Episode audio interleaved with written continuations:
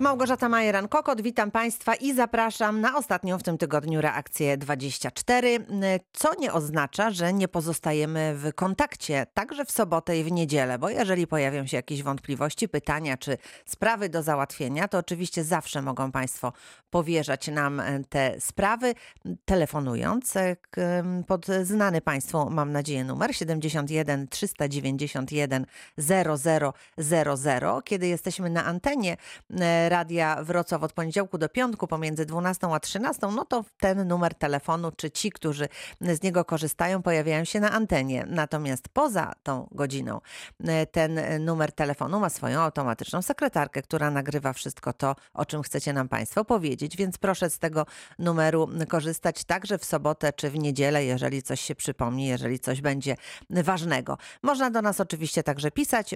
Reakcja 24 to są e, dwa sposoby kontaktu z nami. E, proszę z tego korzystać. E, dziś tematem wiodącym jest prawo pracy. Razem z nami pani Ewa Kulik, inspektor Państwowej Inspekcji Pracy. Dzień dobry, witam serdecznie. Dzień dobry Państwu. Pani Ewa Kulik już zapoznała się z pytaniem, które przesłała do nas mailowo nasza słuchaczka i to pytanie brzmi następująco. Przeczytam Państwu, a potem poproszę Panią Ewę, aby wszystkim słuchaczom powiedziała, jak w takiej sytuacji należy się zachować, jakie są obowiązujące przepisy. Otóż nasza słuchaczka pisze w ten sposób. Mam pytanie odnośnie tonażu. Ile kilogramów na palecie zwykłym e, paleciakiem można maksymalnie pchać, ciągnąć jedna osoba. Pytam, e, bo gdy gdyż zmuszona jestem zamówić ekogroszek i zostaje dostarczony firmą kurierską, no to nie mogę patrzeć, jak dostarczający paletę kurier wykonuje wysiłek ponad ludzkie siły, aby dostarczyć paletę za moje ogrodzenie. E, no, pytam, ponieważ w XXI wieku są e, do spraw dostępne takie paleciaki, jak pisze słuchaczka, akumulatorowe, przy których dostarczenie takiego towaru nie jest tak obciążające dla człowieka.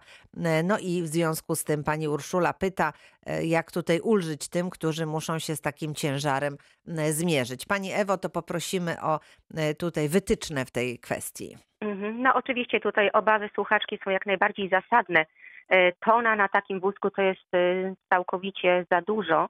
E, proszę Państwa, musimy sięgnąć do odpowiedniego rozporządzenia i tą sprawę reguluje rozporządzenie w sprawie bezpieczeństwa i higieny pracy przy ręcznych pracach transportowych. I tutaj, jeżeli sobie dokładnie sprawdzimy, o jaki wózek chodzi, mamy przypisany maksymalny, maksymalną dopuszczalną liczbę kilogramów na, na takim wózeczku. Mhm. Jeśli chodzi o wózki dwukołowe, E, maksymalny ciężar jest 350 kg dla mężczyzn oczywiście. Mhm. E, jeśli to są wózki 3 i więcej kołowe, mamy 450 kg. Dla kobiet jest oczywiście odpowiednio mniej. Ten mhm. y, maksymalny wymiar jest y, oczywiście przeznaczony dla takiej sytuacji, kiedy mamy niewielkie pochylenie terenu. Czyli tak można powiedzieć, po płaskim jedziemy, po tak? płaskim, tak, mhm. tak, maksymalnie do 5%. Natomiast jeżeli mamy już pochylenie powyżej 5%, musimy tą, te maksymalne wskaźniki obniżyć o 100 kg, czyli nie będzie to 350, tylko 250 na dwukołowe i nie 450, a 350 na dla mężczyzn tak, dla kobiet dla dodam, że to tak. jest 140, a na tym terenie pochyłym 100 kg, albo wózek trzy, trzykołowy to jest 180 i 140, tak, tak, prawda? Mhm. No i mhm. proszę Państwa, jeszcze oczywiście co najważniejsze, musimy pamiętać, że tą maksymalną liczbę kilogramów liczymy razem z wózkiem, a taki wózek może e, sporo ważyć, na pewno powyżej 50 kg. E, mhm. Więc to też musimy uwzględnić przy tym ogólnym wymiarze dopuszczalnym. E, no i proszę Państwa, jeszcze jest jedna kwestia, którą też należy podkreślić. Te wszystkie wytyczne dotyczą sytuacji, kiedy mamy w miarę równe utwardzone podłoże. Bo jeżeli mamy nierówności, to jeszcze musimy obniżyć te e, te dopuszczalne no tak, bo wtedy jeszcze wymiary. trudniej jest się przemieszczać Dokładnie oczywiście. tak i wtedy mhm. do 60% tych wymiarów jeszcze obniżamy. Także tutaj no, jednym słowem nie da się odpowiedzieć, e, żeby tak e, słuchaczka miała konkretną Mhm. liczbę kilogramów. Musimy zobaczyć, jakie to są wózki e, i w jakiej sytuacji Tak, są jaki jest teren, prawda? Jak, jak to wszystko Oczywiście. wygląda, ale już wiemy, jakie są tu wytyczne i to wszystko można e, sprawdzić, przeliczyć i wtedy będziemy wiedzieli, czy to jest w ogóle dopuszczalne, czy też niedopuszczalne i tak się nie powinno dziać. E, Bardzo dziękuję za tę odpowiedź e, i już czytam kolejne pytanie mailowe, Państwa zachęcając do tego, by e, korzystać z obecności naszego gościa i e, zadawać pytania związane właśnie z kodeksem pracy, prawem pracy, bo na tym się dzisiaj koncentrujemy. E, I pytanie od naszego słuchacza. Ostatnio w naszym zakładzie zleca się bardzo dużo nadgodzin. Płacone są uczciwie, ale wszyscy jesteśmy już tym po prostu przemęczeni. Ile godzin nadliczbowych można maksymalnie przepracować? Pyta słuchacz. Mhm. No, proszę Państwa, e, niestety nie da się odpowiedzieć na to pytanie tak e, jedną cyfrą, ile tych godzin nadliczbowych, Mhm. dlatego że tutaj bardzo wiele wartości trzyma te nasze nadgodziny, że tak powiem, w ryzach. Zasadniczą kwestią i chyba najważniejszą są odpoczynki dobowe i tygodniowe. E, Przepisy gwarantują nam, że 11 godzin w ciągu doby odpoczywamy. Więc od zakończenia pracy do rozpoczęcia pracy mamy prawo 11 godzin odpoczynku. No więc, żeby zmieścić się w dobie, odliczając od niej 11 godzin, zostaje nam 13 godzin, prawda? Więc to już jest taka pierwsza wartość, ile w ciągu dnia tych nadgodzin może być. Ale proszę Państwa, na ogół 13 godzin to też jest za dużo. E, Biorąc pod uwagę równoważny system czasu pracy, kiedy możemy wydłużyć wymiar dobowy do 12 godzin, no nie ma więcej. Tam tylko w przypadkach szczególnych możemy pracować 16 lub 24 godziny, ale to są, to są takie zawody typu dozór, y, typu ochrona mienia, y, więc to są y, przypadki rzadkie. W normalnej sytuacji możemy pracować maksymalnie 12 godzin w ciągu dnia, nie więcej. Mhm. Więc to są już takie dwie wartości, które trzymają liczbę tych godzin nadliczbowych. Kolejny przepis z kodeksu pracy mówi nam, że razem z godzinami nadliczbowymi w ciągu tygodnia nie powinniśmy przepracować więcej niż przeciętnie 48 godzin. Tylko tutaj zwracam uwagę, proszę Państwa, na słowo przeciętnie. Co to znaczy możemy, właśnie? Mhm. Właśnie, możemy pracować razem z nadgodzinami w ciągu tygodnia, na przykład 50 godzin, pod warunkiem, że w kolejnym tygodniu będzie to odpowiednio mniej, na przykład 46 godzin. Wtedy średnio mamy 48. Ale jeżeli w całym okresie rozliczeniowym uśrednimy sobie te nasze tygodnie i tam będzie więcej niż 48, no to jest naruszenie. To znaczy, że pracodawca rzeczywiście z tymi nadgodzinami przesadził. No i taką ostatnią kategorią, która trzyma nam te nadgodziny, jest jeszcze coś takiego jak limit roczny. W kodeksie e, jest wprost wskazane, że limit roczny godzin nadliczbowych to 150, więc nie powinno być więcej. Ale przepisy kodeksu pracy dopuszczają zwiększenie tego limitu y, poprzez odpowiednie zapisy w wewnątrzzakładowych źródłach prawa pracy, na przykład w regulaminie. I tutaj maksymalną wartością jest 416 godzin nadliczbowych w ciągu roku. Mhm. Natomiast, proszę Państwa, z tego pytania nadesłanego niepokoi mnie bardziej inna rzecz. Yy, Płacone są uczciwie, ale jesteśmy przemęczeni. Mhm. Proszę Państwa, przede wszystkim należy godziny zrekompensować czasem wolnym. To, co nadpracujemy, mamy mieć oddane w postaci wolnego, w odpowiedni sposób oczywiście. Dopiero wtedy, kiedy jest to niemożliwe, bo na przykład kończy nam się już okres rozliczeniowy, wtedy za godziny płacimy. Natomiast tutaj z tego pytania wynika, że nadgodziny po prostu wszystkie są płacone. To Mhm. uczciwie I płacone, ale nie na tym to pracownicy powinno są po polegać. prostu przemęczeni. Przemęczeni, Mm, dokładnie. oczywiście, że tak. Mhm. No dobrze, to w takim razie bardzo dziękuję. E, Tutaj już myślę, że sytuację mamy jasną. Natomiast teraz słuchamy pana Stefana, który do nas telefonuje z Nysy. Dzień dobry panu. E, Dzień dobry pani, dzień dobry Dzień pani. dobry.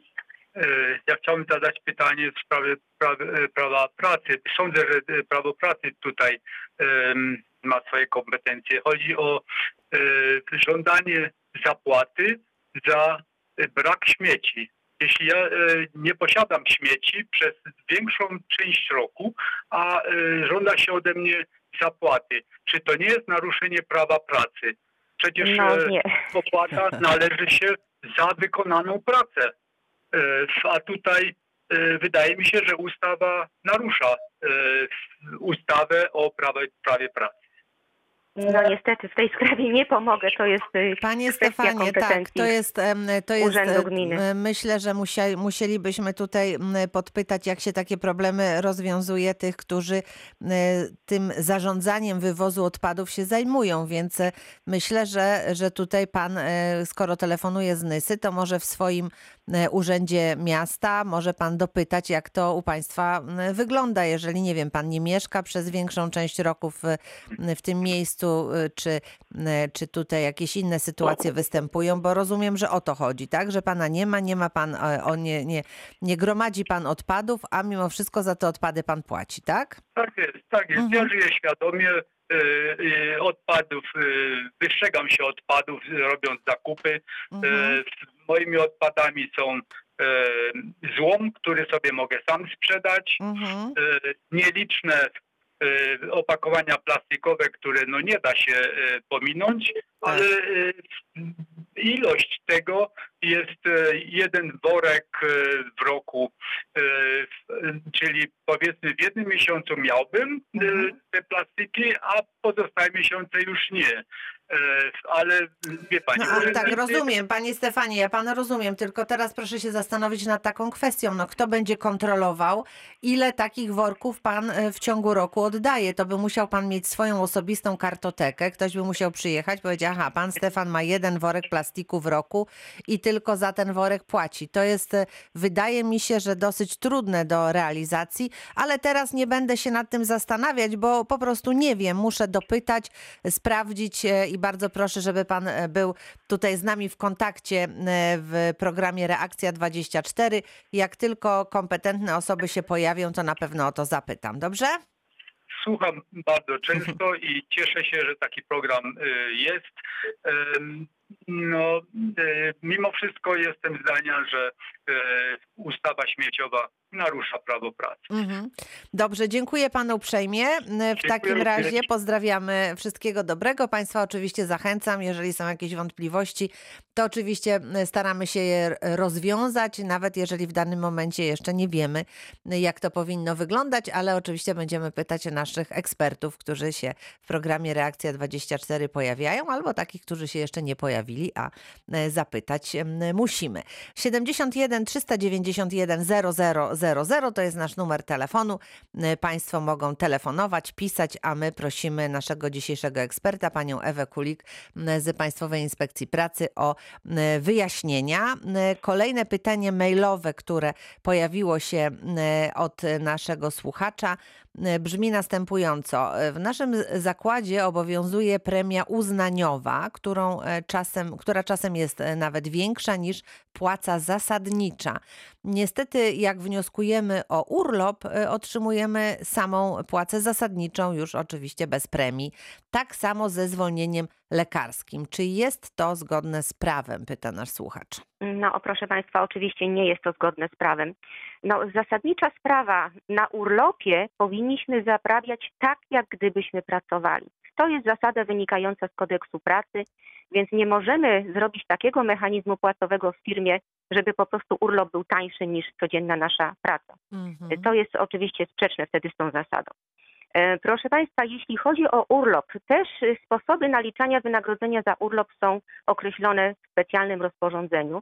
I mniej więcej o co w tym chodzi, Mm, aby wszystkie składniki o charakterze periodycznym, czyli trwałym, były Powtarzającym się przez kolejne miesiące. tak, Mhm. zgadza się. Nawet w różnej wysokości, to sobie wtedy weźmiemy średnią, ale wtedy musimy je wliczyć do podstawy tego wynagrodzenia urlopowego. Więc jeżeli przez trzy ostatnie miesiące żeśmy brali premię uznaniową, wliczamy, robimy z tego zwykłą średnią, prawda? Jako z tych składników zmiennych, jak, którym jest premia i wliczamy do podstawy wynagrodzenia urlopowego. Natomiast, proszę Państwa, sposób naliczania wynagrodzenia chorobowego reguluje ustawa ZUS-owska, która reguluje, jak naliczać zasiłek. Wynagrodzenie chorobowe liczy się adekwatnie tak jak zasiłek. I tutaj bierzemy też średnią ze wszystkich składników zmiennych aż z 12 miesięcy. Zatem, proszę Państwa, to nie jest tak, że możemy sobie pominąć wszystkie premie, bo ona nazywa się uznaniowa. Jeżeli ma trwały, periodyczny charakter, to powinna być wliczona zarówno do wynagrodzenia urlopowego, jak i chorobowego. Natomiast, proszę Państwa, jeżeli nasza premia uznaniowa miałaby charakter jednorazowej nagrody za jakieś osiągnięcie, za coś, prawda? Czy za cały to- rok pracy na, na koniec roku na przykład no też otrzymujemy, niekoniecznie, Nie? tak, bo Nie? wtedy Mhm. po prostu dostalibyśmy ją dwa razy, raz w urlopie, a raz no wtedy, kiedy żeśmy ją dostali, prawda? Mhm, mhm. Więc wtedy no nie ma tutaj za bardzo podstawy, aby wliczyć ją do tego wynagrodzenia urlopowego. Natomiast jeżeli to jest trwały składnik, który się powtarza, to jak najbardziej mamy obowiązek y, uwzględnić ją wtedy, kiedy pracownik idzie na urlop, bo tylko wtedy wyjdziemy naprzeciw zasadzie, że pracownik na urlopie zarabia tak, jak gdyby pracował. Mhm. Bardzo dziękuję. E, Proszę Państwa, teraz e, informacja dla kierowców. Dobra informacja, bowiem skończyły się już e, utrudnienia na A4 z Legnicy do Wrocławia. Przyczyną tego utrudnienia było zderzenie dwóch ciężarówek, do którego doszło godzinę temu na 119 kilometrze tej trasy pomiędzy węzłami Udanin i Gościsław, a droga w tej chwili w tym miejscu powinna być już przejezdna, a korek rozładowany. To informacja dla kierowców, a teraz słuchamy pan Krzysztof z Głuszycy do nas telefonuje. Dzień dobry panu. Dzień dobry. Ja Dzień dobry. sprawę, moja, moja sprawa dotyczy jeszcze, tak można powiedzieć, e, początków koronawirusa z tamtego roku, z marca. Mhm. Ja pracowałem w pewnej firmie i jak się, po prostu w barze. I firma została zamknięta przez koronawirusa. Zamknął Mhm. na czas, wysłał nas na urlopy. Pod koniec Tak. marca nas wezwa, wezwał pracodawca i wręczył nam wypowiedzenia. Mhm. Pierw nam dał wypowiedzenia za porozumieniem stron, na któreśmy się nie zgodzili, nie? Tak. A później zostawił nam e, wypowiedzenia z trzymiesięcznym, e, z cofnięciem z Okresem. trzymiesięcznym do tyłu. Nie z końcem Aha, marca, antydatowane, tak? tylko z końcem, z końcem grudnia, Mhm. za które nam nie wypłacił w ogóle ani e, pieniążków, ani za urlopy, które nam zostały jeszcze. Mhm. Czy w związku z tym można by było, trzeba było to zrobić, czy nie? Bo, bo No absolutnie cofnął- nie. Proszę Państwa, wszelkie dokumenty antydatowane są niezgodne Mhm. z przepisami, więc nie możemy zrobić czegoś takiego, żeby wręczyć wypowiedzenie, żeby kończyło się z końcem grudnia, jak już mamy dzięki Tak. Bogu marzec. Proszę Państwa, to nie, no absolutnie jest to niedopuszczalne. Porozumienie stron, o którym Pan wspomniał, rzeczywiście wchodzi w życie pod warunkiem, że dwie strony je podpiszą, czyli wyrażą na to zgodę. Jeśli Mhm. tutaj Państwa zgody nie było, no to, no to nie doszło do rozwiązania stosunku pracy. E, Jeżeli rzeczywiście pracodawca zamknął ten zakład i wręczył takie wypowiedzenia z końcem grudnia, no a w marcu jeszcze urlopy udzielił, prawda, do czego oczywiście miał prawo, jeśli chodzi o zaległe Tak. urlopy w dobie pandemii. I rzeczywiście, jeśli zamknął ten zakład i Państwo już nie mają gdzie pracować, no Znaczy, tutaj należy, normalnie istnieje dalej, cały czas. rozumiem, ale Wy już nie Tak. pracujecie, tak? Bo Nie, nie, pracodawca bo nas po uznał prostu te... i nas obiecał nas, że przyjmie z powrotem, ale nas nie przyjął z powrotem. Rozumiem. Proszę Mhm. Państwa, ponieważ wypowiedzenie, przepraszam, bo jakiś pogłos słyszę. i- Mhm. To poprosimy pana o ściszenie radioodbiornika, być może coś tam. Radio. Tak? Aha. Tak, Mhm. tak, tak. Dobrze, to już Dobrze. słuchamy. Mhm. Proszę Państwa, pracodawca oczywiście może uznać ym, to wypowiedzenie za skuteczne, które jest oczywiście wadliwe, tak, ale korzysta z takiej Mhm. względnej skuteczności, więc należy się tutaj po prostu odwołać do sądu pracy. No bo tu ewidentnie są naruszone przepisy prawa, jeśli chodzi o sposób Mhm. rozwiązania stosunku pracy, ale tylko sąd ma taką moc sprawczą, aby przywrócić pracownika Ale to, a, y- proszę, a to jeszcze, i można jeszcze tak cofnąć do, po, roku, po roku czasu do tyłu? Y, No nie bardzo, dlatego że No zgodnie z, z pouczeniem, które też się powinno znaleźć na tym wypowiedzeniu, chyba. tak, 21 dni mamy, tak, do, Tak, na tak, pójście tak, do tak, sądu tak. pracy, Mhm, więc troszeczkę tak. poleciało. Natomiast, No proszę. Państwa, jest jeszcze kwestia y, roszczeń finansowych. No Pan twierdzi, że za ten urlop i za pracę do końca marca, że tak, żeście nie otrzymali wynagrodzenia. No bo, bo, bo o to chodzi, że jakby nam zostawił wypowiedzenia przez trzy miesiące do tyłu, które Mhm. jakby w ogóle nie zostały wypracowane, bo powinniśmy pracować do końca na przykład e, No czerwca, oczywiście, a być- urlop jest przecież płatny, prawda? Tak, tak, tak. Mm, tak. Więc tutaj na, ta, na dochodzenie tego typu roszczeń mamy trzy lata, więc tutaj Aha. zarówno skarga do inspekcji pracy, y, jak i, jak i y, pozew do sądu jak najbardziej uzasadniony. To może zacząć od Mhm. inspekcji pracy, a potem do, ewentualnie do sądu. Jak, To jak znaczy, pani radzi, pani Proszę Ewo? Państwa, Mhm. teraz y, jeśli chodzi o działanie inspekcji pracy, no niestety, żeby nie roznosić wirusa, jesteśmy troszeczkę ograniczeni w kontrolach. ru- ruszamy do akcji, że tak powiem, tylko w szczególnych przypadkach, które są związane z ochroną życia, zdrowia, wypadkami śmiertelnymi i takimi sprawami. Więc no, no tutaj może to troszkę potrwać, jeśli chodzi o rozpatrzenie Mhm. takiej, takiej pojedynczej skargi płacowej. a za te trzy, miesiące to byliśmy niby na wypowiedzeniu, też to nam powinien zapłacić? No naturalnie, tylko że Aha. jest- skoro pracodawca skonstruował wypowiedzenie w taki sposób, że ono się zakończyło na, w grudniu, Tak. no to to w ogóle jest jakaś fikcja. y, Że, wy- że wystawił nam wypowiedzenie 31 grudnia, a z dniem 31 marca nas zwolnił. Aha, ono zostało wystawione, tak? Tak, Tak, jakby tak, wręczone wystawione. 31 grudnia.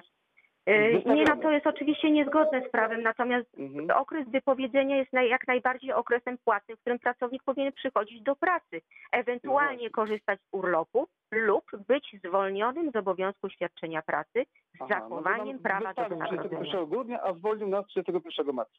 No, No to- nie, no to to jest sytuacja To niedopuszczalna. tak być nie może. Panie Krzysztofie, no to w takim razie już myślę, że pan wie, jedno, Tak. jedna sprawa już y, troszkę przedawniona, ale Mhm. d- o pieniądze można jeszcze walczyć, także Dobrze. bardzo proszę tutaj, Dziękuję bardzo. e, bo Dziękuję, rozumiem, że to nie tylko pan, tylko jest jeszcze Tak, tak, no bo więcej było osób. Jeszcze koleżanek było jeszcze parę. No Może więc właśnie, to wszyscy, wszyscy razem możecie tutaj zadziałać Mhm. i, e, i powinno się udać, w, no tak by było zgodnie z przepisami. Dziękuję Mhm. panu uprzejmie, Dziękuję pozdrawiam. bardzo. Dziękuję. Dziękuję uprzejmie. Proszę Państwa, m, powracam jeszcze do tego pytania o m, ciężar, e, jaki mogą tutaj przesywać, przesuwać kurierzy, ponieważ Mhm. nasza słuchaczka pisze do mnie w ten sposób. Nie rozumiem odpowiedzi, którą udzieliła pani z inspekcji pracy. Kurier może pchać 450 kg z wagą wózka. To jak wszyscy kur, kurierzy dostarczają palety z jedną toną węgla? Wszyscy robią to niezgodnie z przepisami? Takie Dokładnie są tak, nadawane przesyłki? Tak. To są łamane Mhm. przepisy. Rzeczywiście osoby, które mają dostarczyć przesyłkę o tak dużym tonażu, czyli to jest tona węgla na palecie, powinni być wyposażeni w odpowiedni wózek elektryczny, który po prostu ułatwia taką pracę i nie powoduje takich obciążeń. To jest absolutnie za dużo. Także tutaj w relacji pracodawca-pracownik, czyli tej kurier, rzeczywiście jest coś nie tak i pracownik jest zwyczajnie źle wyposażony y, w narzędzia Czyli w tej, w tej sytuacji to pracownik, e, kurier powinien e, u swojego pracodawcy interweniować, tak? Oczywiście. Nie, nie zgodzić się na takie, na takie zasady tutaj prze, jak gdyby przenoszenia tak, tak. takiego tonażu. ze Mhm. skargą do nas też oczywiście można. No to mam nadzieję, że teraz jest to już e, wyczerpująca odpowiedź i słuchamy pana Łukasza z Żagania, który do nas telefonuje. Dzień dobry panu. Dzień dobry, witam serdecznie. Ja mam takie pytanie. Ja jestem kierowcą zawodowym i mam pytanie odnośnie e, wypłat pieniążków właśnie w czasie urlopu, tudzież zwolnienia lekarskiego, bo w Mhm. naszym zawodzie wygląda tak, że mamy płaconą podstawę, z reguły jest to najniższa, powiedzmy 3000 zł brutto, tak? Tak. Mamy płaconą tą podstawę i to jest podstawa, która co miesiąc wpływa na konto. Plus jest jeszcze druga część wynagrodzenia, która tak naprawdę przekonuje kierowców do pracy, czyli są to delegacje zagraniczne. Tak. Diety, tak. Tak, Koszty mhm. podróży Tak, służbowej, dokładnie. I z chwilą, kiedy pracujemy, jest wszystko ok, powiedzmy zarabiamy 6 tysięcy złotych, ale z chwilą, kiedy idziemy na zwolnienie chorobowe, ja na przykład byłem w takiej sytuacji, że byłem prawie dwa miesiące na zwolnieniu chorobowym, Mhm. Reszty nie było. Dokładnie. Okazuje się, że jest płacona tylko ta podstawa. Dlaczego w Polsce prawo jest tak skonstruowane, że te diety, te, te delegacje nie są e, A no właśnie, to jest bolączka wszystkich kierowców. Proszę Państwa, kierowcy rzeczywiście zarabiają w dietach, które tak naprawdę wynagrodzeniem nie są. To jest y, jakiś zwrot kosztu, pokrycie y, wydatków związanych z delegacją. Y, Proszę Państwa, nie tylko dieta, jest też coś takiego jak ryczałt za nockę, który już w 100% jest określany jako koszt. Więc proszę Państwa, nie ma żadnych przepisów nakazujących pracodawcy wliczanie do wynagrodzenia urlopowego bądź chorobowego mm, składników, które nie są wynagrodzeniem. Więc tutaj rzeczywiście kierowcy No to jest są nie fair w stosunku do, do kierowców, Oczywiście, którzy pracują Państwa, tak za te tak mamy pieniądze. skonstruowane przepisy y, dla kierowców, że rzeczywiście muszą być wypłacane te diety i wtedy suma zarobionych pieniędzy na koniec miesiąca takiego y, kierowcy jest całkiem przyzwoita. Natomiast to nie jest wynagrodzenie, to są diety. I Mhm. tutaj I dlatego nie ich nie ma później w urlopie i Dokładnie nie ma tak. ich w zwolnieniu lekarskim. Mało tego, nie jest- ma ich w mhm. składkach, od tego nie będzie naliczana emerytura, też trzeba Rozumiem. wziąć to pod uwagę. Póki takie Dokładnie, przepisy ja- są, ja no to niestety nic nie możemy zrobić. Mhm. Ja to wszystko doskonale rozumiem, tylko że ja i wielu moich znajomych kierowców mówią też głośno o tym, że e, byliby w stanie zgodzić się na obniżenie tej pensji poprzez właśnie opodatkowanie tych diet, tylko Mhm. pod takim warunkiem, że nie zarabiamy powiedzmy 4 tysięcy, 6 tysięcy, zarabiamy 5, Mhm. ale z chwilą, kiedy nam coś się stanie, to mamy środki do życia. To bo, nie bo tak, niestety, tak. A tak to jesteście tak, na najniższych pieniądzach, które tutaj są em, no, dramatyczne, można powiedzieć. Panie Łukaszu, no to takie są przepisy prawa, te, to co mówi nam dziś pani inspektor, natomiast no, em, o zmianę prawa to trzeba się do e, tutaj posłów, em, że tak powiem, zwrócić o, o zmiany i o e, zwrócenie uwagi na tę grupę kierowców właśnie, którzy są w tym momencie poszkodowani. Dziękuję panu uprzejmie. Tak. Bardzo nam miło, dziękujemy bardzo. Pozdrawiamy, wszystkiego dobrego. E, Proszę Państwa, kończymy pierwszą część naszego dzisiejszego spotkania, ale oczywiście za chwilę część druga. Reakcja 24. Rozpoczynamy drugą część naszego dzisiejszego spotkania. Przypominam Państwu, że dziś prawo pracy, kodeks pracy w roli głównej. Pani Ewa Kulik, inspektor Państwowej Inspekcji Pracy, jest razem z nami, a na zadanie pytania czeka pan Andrzej z Nowej Rudy. Dzień dobry, panie Andrzeju, witamy. Dzień dobry, dzień dobry Pani Małgosiu, Dzień dobry. dzień dobry Pani Inspektor. No wahałem się, czy zadzwonić, ale jednak się zmobilizowałem. Chodzi mi o co Pani Małgosiu, Tak. bo Krysia poszła do pracy, jest na emeryturze, pomóc y, tam znajomemu w ciastkarni, sklep ma swój, ma piekarnię i tak dalej. No ale o co chodzi? No i po prostu na zmiany pracują z paniami Mhm. i 400 zł dostaje za dwa tygodnie. Czy to jest, czy to jest normalne? Bo mnie serce boli po prostu, że jak może człowiek tak wykorzystać, a Krysia oczywiście jest taka, że na wszystkim pomoże. Mhm. No, Dobrze, to ja u, um, uporządkuję Pani Andrzeju, czyli Tak. Pani Krystyna, która jest emerytką, dorabia sobie Tak, i, e, i teraz otrzymuje na dwa tygodnie, czyli miesięcznie 400 800 zł zarabia, tak? 400. Miesięcznie. Ale Pan mówi na dwa tygodnie, czyli miesiąc ma cztery tygodnie, to w miesięcznie Ale by na było... zmianę, no to na zmianę robią tam panie. Mhm. Bo on zatrudnia, on ma, ma parę tych sklepów i takie emerytki zatrudnia i kobiety, które potrzebują. Ja mówię, kochanie, rzuć tą pracę, no ona nie pójdzie, no ale to jest odwrót, żeby 400 zł za dwa tygodnie dostać. No dobrze, to Panią Ewę poprosimy, co tutaj Proszę poradzi Państwa, nam. oczywiście Mhm. jest to obłęd pod warunkiem, że ta pani pracuje na cały etat. Bo jeżeli tutaj rzeczywiście jest w ten sposób, że to jest 8 godzin codziennie, no to Tak. mamy stawkę minimalną w tym roku. Mamy nawet stawkę minimalną godzinową, która, y, która obowiązuje przy umowach cywilnoprawnych. Ja tutaj co prawda nie wiem, czy to jest umowa o pracę, czy Nie, nie cywilnoprawna. ma żadnej umowy, to jest na czarno. A, no to od tego zacznijmy. Zacznijmy w takim razie od mhm. nielegalnego zatrudnienia. Mhm. Cóż ja mogę powiedzieć? Proszę absolutnie nie podejmować pracy bez, bez umowy, więc to jest, to jest niedopuszczalne, to jest wykroczenie i nie ma No tutaj co więcej dywagować. Natomiast proszę Państwa, No w takiej Jeżeli- sytuacji ta e, pani Krystyna może m, podpisać umowę, prawda? Nie wiem, pół etatu, czy umowę cywilnoprawną, oczywiście. czy jakiś. I wtedy w mhm. przeliczeniu na godziny może się okazać, że taka pensja jest zasadna, no bo powiedzmy jak pracuje po dwie godziny dziennie, no to on, nie. Nie. Ona, on nie wypracuje. Jeżeli to jest 8 godzin, to jest całkowicie za mało. E, Tak. Tutaj jest naruszona ustawa o minimalnym Tak. wynagrodzeniu za pracę. Pani inspektor, i dojeżdża tak, własny koszt, bo musi rano wstać o siódmej już jedzie, wraca Mhm. Wieczorem, mnie to serce boli, no bo po prostu mi kobieta umrze kiedyś.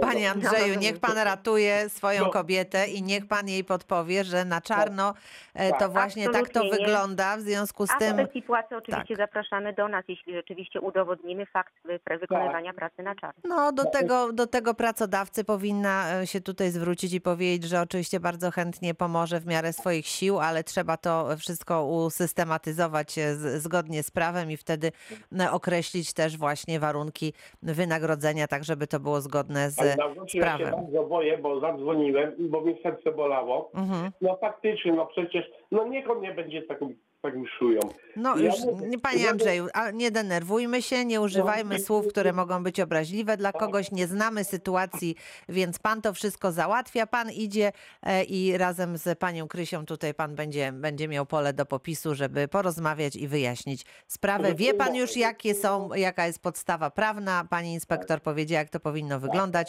Działamy w takim razie. Dziękuję, pozdrawiam pana serdecznie. pozdrawiam serdecznie. Dziękuję. Dziękujemy, pozdrawiamy i zachęcam Państwa. Jeżeli są jakieś pytania, wątpliwości, jakieś sprawy, które e, budzą e, właśnie zastrzeżenia, to bardzo proszę, e, rozmawiamy o tym i staramy się Państwu pomagać. To powracamy do maili i kolejne pytanie naszego słuchacza. Pracuję w systemie równoważnym, przeważnie po 12 godzin. Pracodawca wprowadził ponadto godzinną przerwę obiadową w trakcie dnia. Przerwa jest fikcją, ponieważ lokal, w którym pracuję, jest czynny przez cały czas i jak przyjdzie klient, to muszę go obsłużyć. Pracuję więc nie po 12, a po 13 godzin. Co mogę w tej sprawie zrobić? Pyta e, słuchacz. No tak, proszę Państwa, mamy sygnały, że rzeczywiście niektórzy pracodawcy mm, wykorzystują w ten sposób y, przepis, który pozwala im na wprowadzenie przerwy godzinnej w ciągu dnia. Proszę Państwa, samo wprowadzenie przerwy nie jest niczym złym. Oczywiście e, w Polsce rzadko jest lubiana taka przerwa. My nie mamy zwyczaju spożywania lunchu w, w ciągu dnia w pracy, e, więc tutaj każdy patrzy, żeby po 8 godzinach pójść do domu, a nie spędzać po prostu dłużej w pracy. Ta przerwa nie jest wliczana do czasu pracy. Godzinna przerwa. Nie mówimy tutaj o przerwie śniadaniowej, takiej, którego przewiduje kodeks pracy 15 minut, Mhm. tylko mówimy o dodatkowej przerwie godzinnej, która nie jest wliczana mm, do czasu pracy. Pracodawca ma prawo wprowadzić taką przerwę i rzeczywiście wyznaczyć porę, czy powiedzmy od godziny 12 do 1 pracownik odstępuje od pracy, i- idzie załatwiać sprawy swoje prywatne, idzie na obiad, no ale warunek jest oczywiście taki, żeby ta przerwa nie była fikcją. Więc jeżeli rzeczywiście tutaj jest taka sytuacja, że lokal jest czynny przez 13 godzin i nawet wywieszka na drzwiach nie wskazuje na to, żeby jakakolwiek przerwa tam zaistniała, bo na przykład pracownik jest sam, tak, nie mogą się wymienić w czasie tej przerwy, no to to jest poważne naruszenie przepisów o czasie pracy i tutaj yy, no niestety no chyba właśnie inspekcja powinna się tym zająć, jeśli ktoś się z taką sprawą do nas zwróci. Yy, No, to jest niezgodne z prawem. To jest takie yy, naciąganie czasu pracy pod pozorem przerwy, której de facto nie ma. Natomiast no, tutaj trzeba będzie jakoś postarać się udowodnić, że rzeczywiście nie ma możliwości odbycia tej przerwy, nie ma możliwości zamknięcia tego lokalu, nie ma zastępstwa przez inną osobę przez tą Mhm. godzinę. Yy, No, może być to dosyć trudne, yy, jeśli chodzi o takie realia życiowe u danego pracodawcy. Więc wszystko musiałabym zobaczyć na miejscu, jak się to odbywa. No właśnie, ale to jest troszeczkę problem teraz, tak jak pani powiedziała, ponieważ inspektorzy no, e, starają się też zachować tutaj te względy bezpieczeństwa. E, Mhm. Jak się z państwem kontaktować? Telefonować, pisać, przysyłać dokumenty? Nie, no, wiem y, jak to... Skargi Mhm. oczywiście y, funkcjonują jak do tej pory. Skargi można składać drogą mailową, można też ją przynieść osobiście, wysłać pocztą. Y, I skargi oczywiście będą rozpatrzone, natomiast no, no może to być troszeczkę w późniejszym czasie. Wizyta inspektora może być e, Zgadza troszeczkę tak. w, w późniejszym czasie, dlatego e, na to trzeba też być przygotowanym.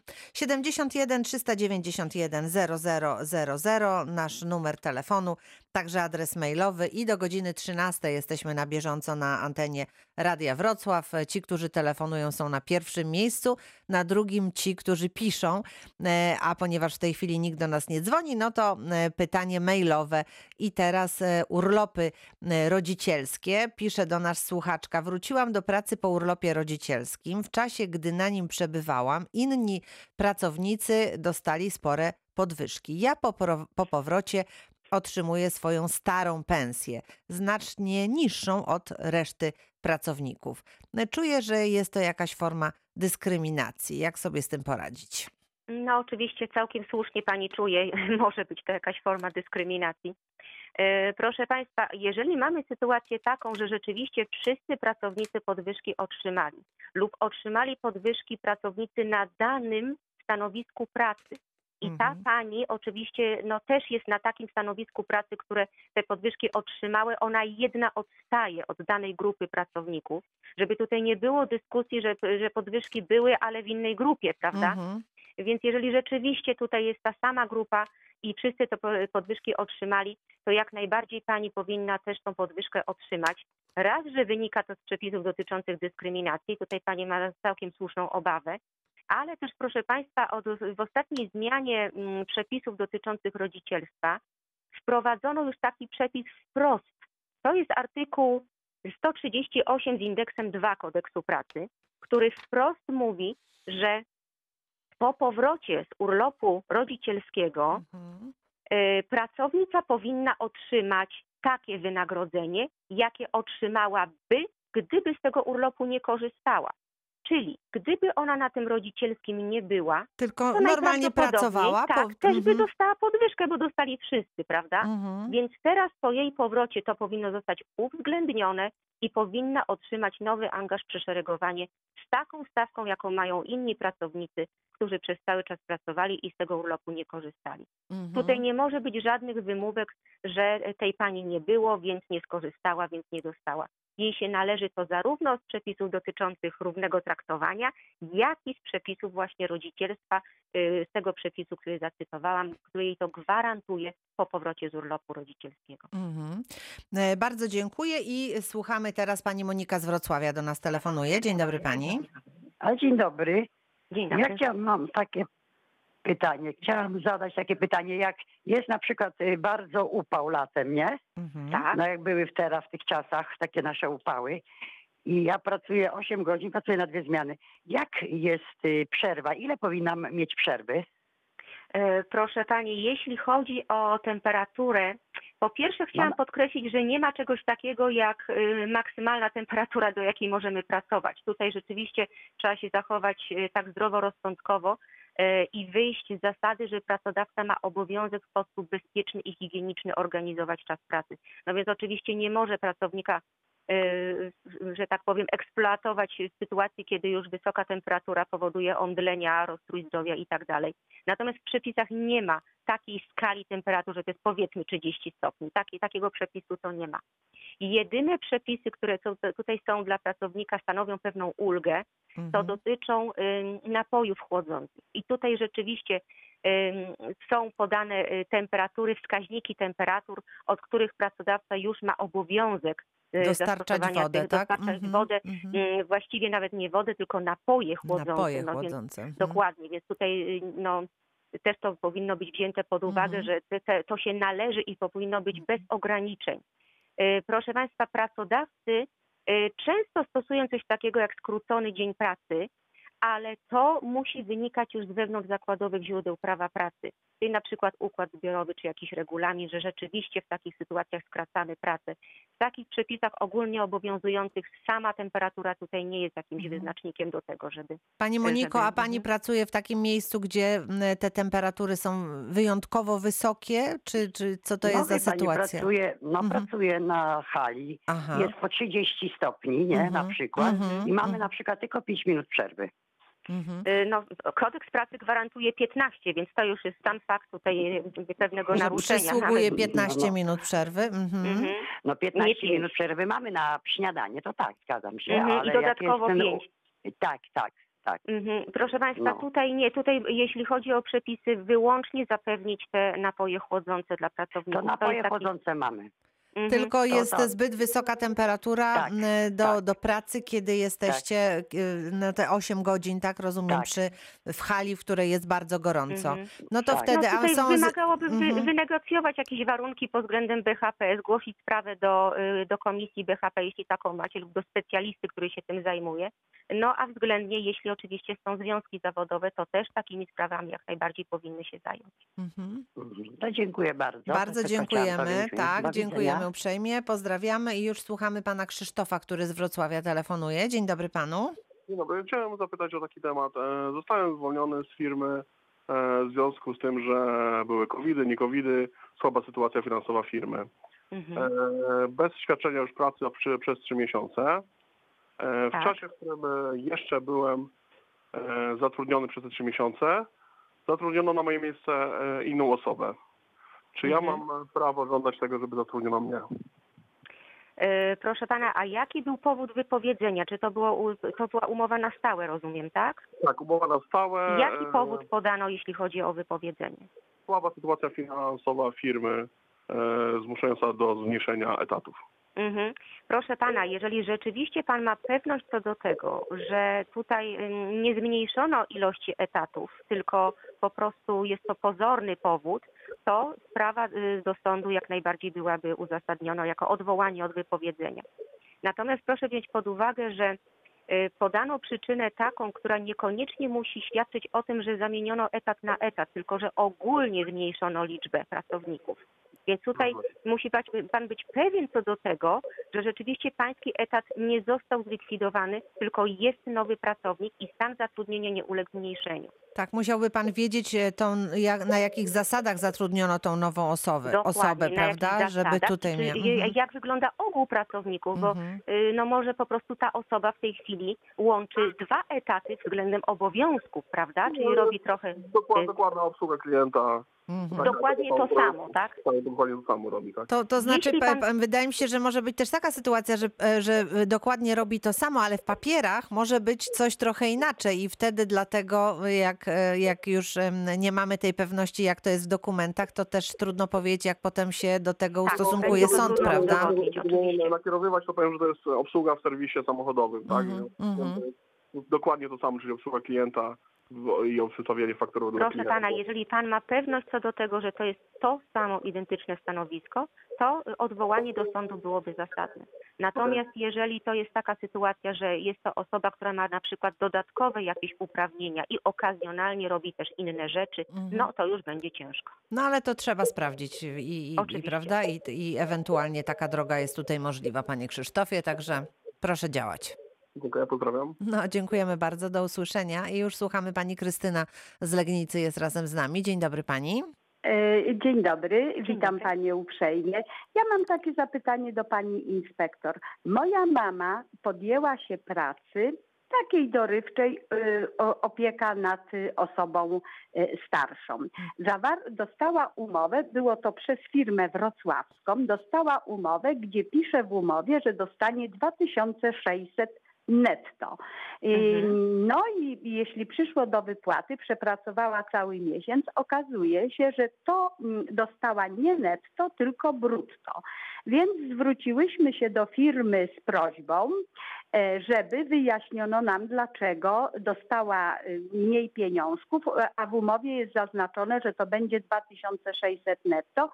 I zaznaczyłyśmy również, że nie godzimy się na wyjaśnienie, bo powiedziano, że potrącono koszty, jakie trzeba ponieść, opiekując się kimś za jedzenie, za, za, za prąd, za, za mm, gaz. Więc y, powiedziałyśmy, że nie wyrażam, y, mama napisała, że nie wyraża zgody na takie tłumaczenie, ponieważ w umowie o tym nic nie ma. Mhm. Firma, przyszło do nas powiadomienie, że firma 4 stycznia odebrała ten list. I Mhm. proszę mi powiedzieć, mają, firma ma dwa tygodnie, 14 dni na odpowiedź, prawda? No nie bardzo. to jest? Nie bardzo. Ym, Proszę pani, y, u, tak uporządkujmy pewne rzeczy. Mhm. To jest umowa, domyślam się, cywilnoprawna, zlecenie, tak? Tak, tak, to jest umowa To nie jest umowa o pracę, Mhm. rozumiem.